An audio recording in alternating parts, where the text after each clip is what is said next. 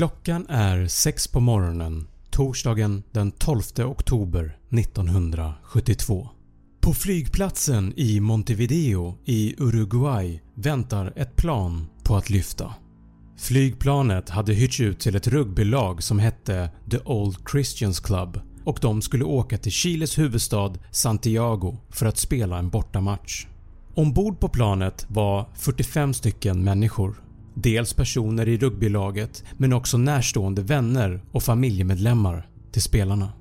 Planet lyfter och påbörjar sin resa mot Santiago. Men på grund av dåligt väder blir planet tvunget att landa i staden Mendoza i Argentina och stanna där över natten tills vädret blir bättre. Nästa dag, fredagen den 13 oktober har vädret blivit bättre men fortfarande inte optimalt. Resan till Santiago kommer att bli svår men inte omöjlig. Planet som de alla åker med är tungt och inte byggt för höjder högre än runt 7000 meter. Det här gjorde att de inte bara kunde ta den enkla vägen rakt över bergskedjan Anderna. Planet får istället flyga en längre men säkrare väg via ett bergspass som heter Planchon Pass eller Pass of Planchon. Ovädret gjorde sikten dålig och ett stort molntäcke har dragits in över bergen. Efter cirka en timme efter det att planet har lyft från Mendozas flygplats så meddelar piloten flygledningen att han just nu flög över bergspasset och att han strax skulle nå staden Chirico i Chile, ungefär 18 mil söder om Santiago. Piloten vänder planet norrut omedveten om att han just nu har begått ett grovt misstag. Piloten hade felbedömt vart de befann sig. Planet var fortfarande över Anderna. Flygledningen var vid det här tillfället omedvetna om pilotens misstag och meddelar planet att de kan påbörja nedstigning. Strax efter det här förlorar flygledningen kontakten med planet. När passagerarna tittar ut från planet så ser de ingenting. Bara en vit dimma som omringar hela planet. Även för piloterna så är sikten lika dålig. Men helt plötsligt börjar någonting att visa sig. Något som skulle ha upptäckts för länge sedan. Ett berg tecknar sig bredvid planet och när man inser vad det är så var det för sent. Planet slår i bergskanten med den högra vingen. Vingen slits loss och flyger bakåt och slår av den vertikala stabilisatorn och en bit av planets baksida. Tre rugbyspelare, en navigatör och en utav kabinpersonalen som befann sig längst bak i planet sugs ut i luften. Strax efter det här slås den vänstra vingen av. En bit av propellern från vingen slår upp ett stort hål i sidan av flygplanskroppen. Utan några vingar eller bakre delen av planet så föll det handlöst ner mot bergen. Men istället för att krossas mot en bergvägg så landade planet i en brant dal med djup snö och gled som en kälke ned för berget. Planet börjar nu att bromsas in av sig själv på grund av all snö. Den kraftiga inbromsningen fick flera flygplansstolar att lossna och kastas framåt i kabinen. Passagerarna gör vad de kan för att hålla sig fast och till slut så blir det tyst. Flygplanskroppen hade stannat. 12 stycken dog direkt i samband med kraschen och nu var det 33 stycken kvar vid liv. Men många var svårt skadade. Två av passagerarna, Roberto Canessa och Gustavo Zerbino var läkarstudenter och gick andra året på läkarlinjen. De agerade snabbt för att bedöma hur allvarliga skadorna var hos de olika passagerarna och de utförde även enklare behandlingar. Många av passagerarna hade flera benbrott i kroppen. En av passagerarna, Nando Parado, hade fått en skallfraktur och hamnade i koma i tre dagar. Några av passagerarna gick ut från planet men när de klev ur planet så sjönk de ner till midjan i snön. Men det var det minsta problemet. Runt om dem var det helt öde. Inga andra människor, inga byggnader, ingen stad i horisonten. Endast snö och berg täckte hela deras synfält. De befann sig mitt ute i ingenstans och det hårda vädret med den kraftiga kylan var olidlig. Passagerarna var inte klädda för det här vädret och visste att de inte skulle överleva kylan som stormade in genom gapet i flygplanskroppen om de inte gjorde något åt det. De hjälptes åt och staplade upp flygplansstolar, bagage och allt annat som de kunde hitta för att skapa en barriär mot kylan. Inne i flygplanet låg det skadade personer överallt som jämrade sig över sina skador. Folk kurade ihop sig för att försöka hålla värmen innan natten svepte över dem. Under nätterna kunde temperaturen sjunka till minus 30 grader. När morgonen efter den första natten kom så upptäckte man att fem personer till hade dött under natten. Man försökte få igång planets kommunikationsradio men den hade gått sönder. Det gick inte att få kontakt med flygledningen. De var strandsatta i bergskedjorna i Anderna och ingen visste vad som hade hänt dem. De överlevande passagerarna visste att de behövde äta och man samlade ihop mat som fanns tillgänglig i planet. Det man hittade var 8 chokladkakor, en burk musslor, tre små burkar med sylt, en burk med nötter, några dadlar, lite godis och en handfull plommon. Men också flera flaskor med rött vin. Det var allt. De gjorde sitt bästa under omständigheterna genom att äta så lite som möjligt för att kunna hålla ut så länge som möjligt. När de inte drack vin så smälte de snö och drack det. Men trots det här så räckte inte maten speciellt länge och det fanns ingen annan mat att äta.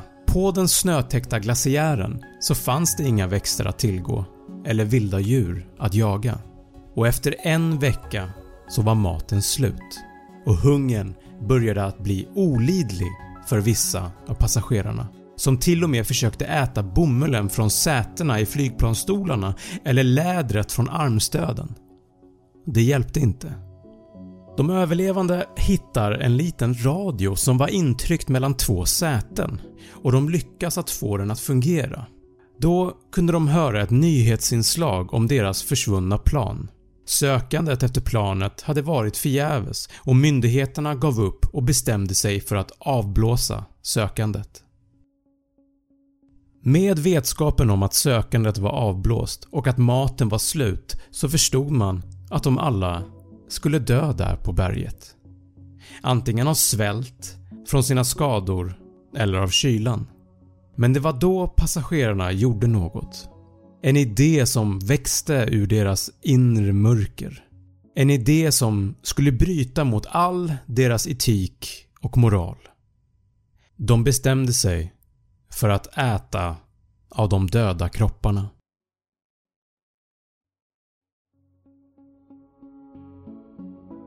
Jag vill poängtera att det här var inte ett lätt val för dem. De döda bestod av vänner, lagkamrater och familjemedlemmar.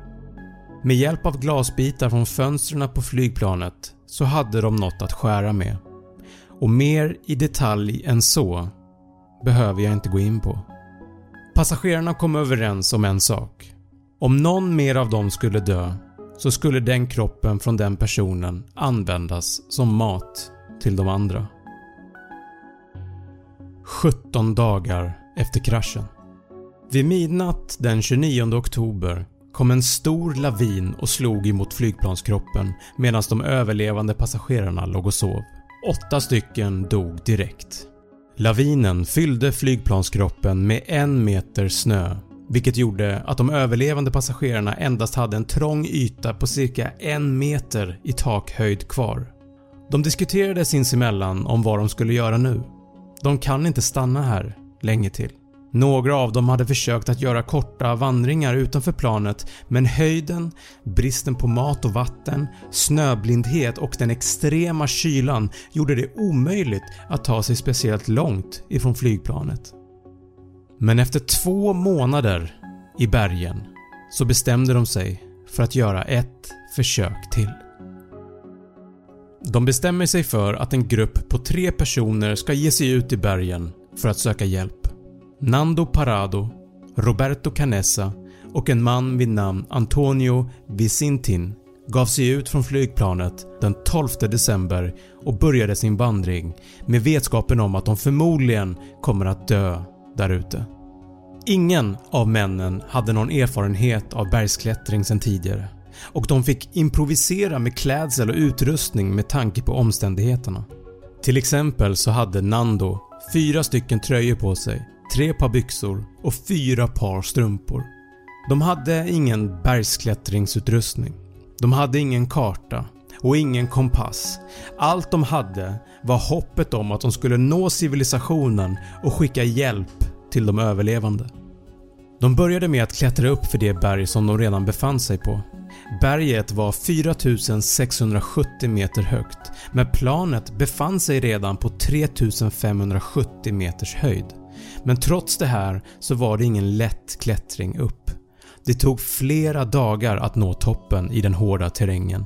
För att överleva nätterna hade männen tidigare skapat en sovsäck tillräckligt stor för dem alla tre. När de väl nådde toppen så hoppades man på att se en stad eller en by men istället såg de bara berg i alla riktningar så långt ögat kunde nå. Maten som de hade med sig började att ta slut. Antonio vände tillbaka till planet. Maten skulle inte räcka för dem alla tre. Och nu var det upp till Nando och Roberto att fortsätta. Nando vände sig till Roberto och sa “Vi kanske kommer att vandra mot våran död, men jag vill hellre gå och möta min död än att vänta på att den kommer till mig. Roberto svarade “Du och jag är vänner Nando. Vi har gått igenom så mycket. Låt oss nu gå och dö tillsammans.” Och så gav de sig ut över bergen.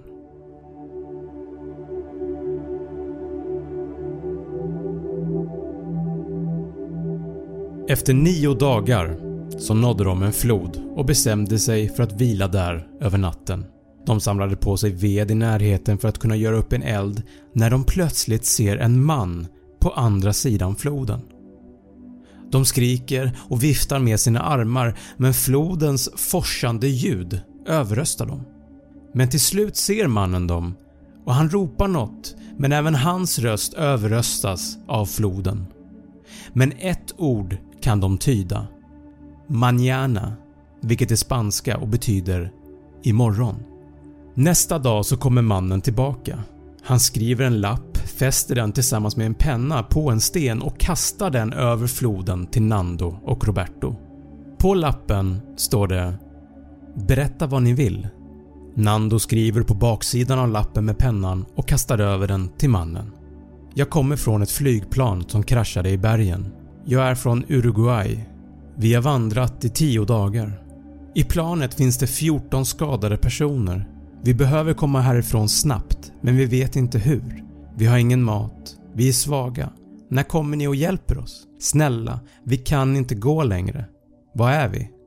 Efter att mannen hade läst lappen så ordnade han med hjälp till de båda männen att korsa floden. Han ledde dem till ett hus där de fick mat. Riktig mat. Och de förklarade gång på gång att de är fler uppe i bergen som behöver hjälp. Nando och Roberto hade vandrat och klättrat 38 km under 10 dagar. Roberto hade gått ner 44 kilo sen flygkraschen. Mannen berättade att han hade fått kontakt med armén. Hjälp är på väg. Den 22 december skickades två stycken räddningshelikoptrar till platsen. På grund av att terrängen var så brant så kunde endast hälften av de 14 som var kvar räddas den dagen. Resten fick spendera ytterligare en natt i flygplanet men dagen efter så räddades även de. Alla flögs till ett sjukhus i Santiago. De behandlades för en mängd olika tillstånd. Bland annat höjdsjuka, uttorkning, frostskador, benbrott, skörbjugg och kraftig undernäring. I efterhand så blev de överlevande kraftigt ifrågasatta. Hur kan ni ha överlevt så länge utan mat? De blev till slut tvungna att berätta hur det låg till. Att de hade överlevt genom att äta sina döda vänner där uppe på berget. Vi människor är unika på många sätt. vår intelligens har fått oss att skapa otroliga saker och vi kanske ser oss själva som i toppen av näringskedjan. Men det är en sak som vi delar med alla andra varelser på den här jorden. Viljan att överleva. Den viljan får oss ibland att göra saker som vi aldrig trodde att vi var kapabla till. Och det var det som hände med passagerarna på berget. Så innan vi dömer dem för vad de gjorde så måste du fråga dig själv. Vad hade du gjort?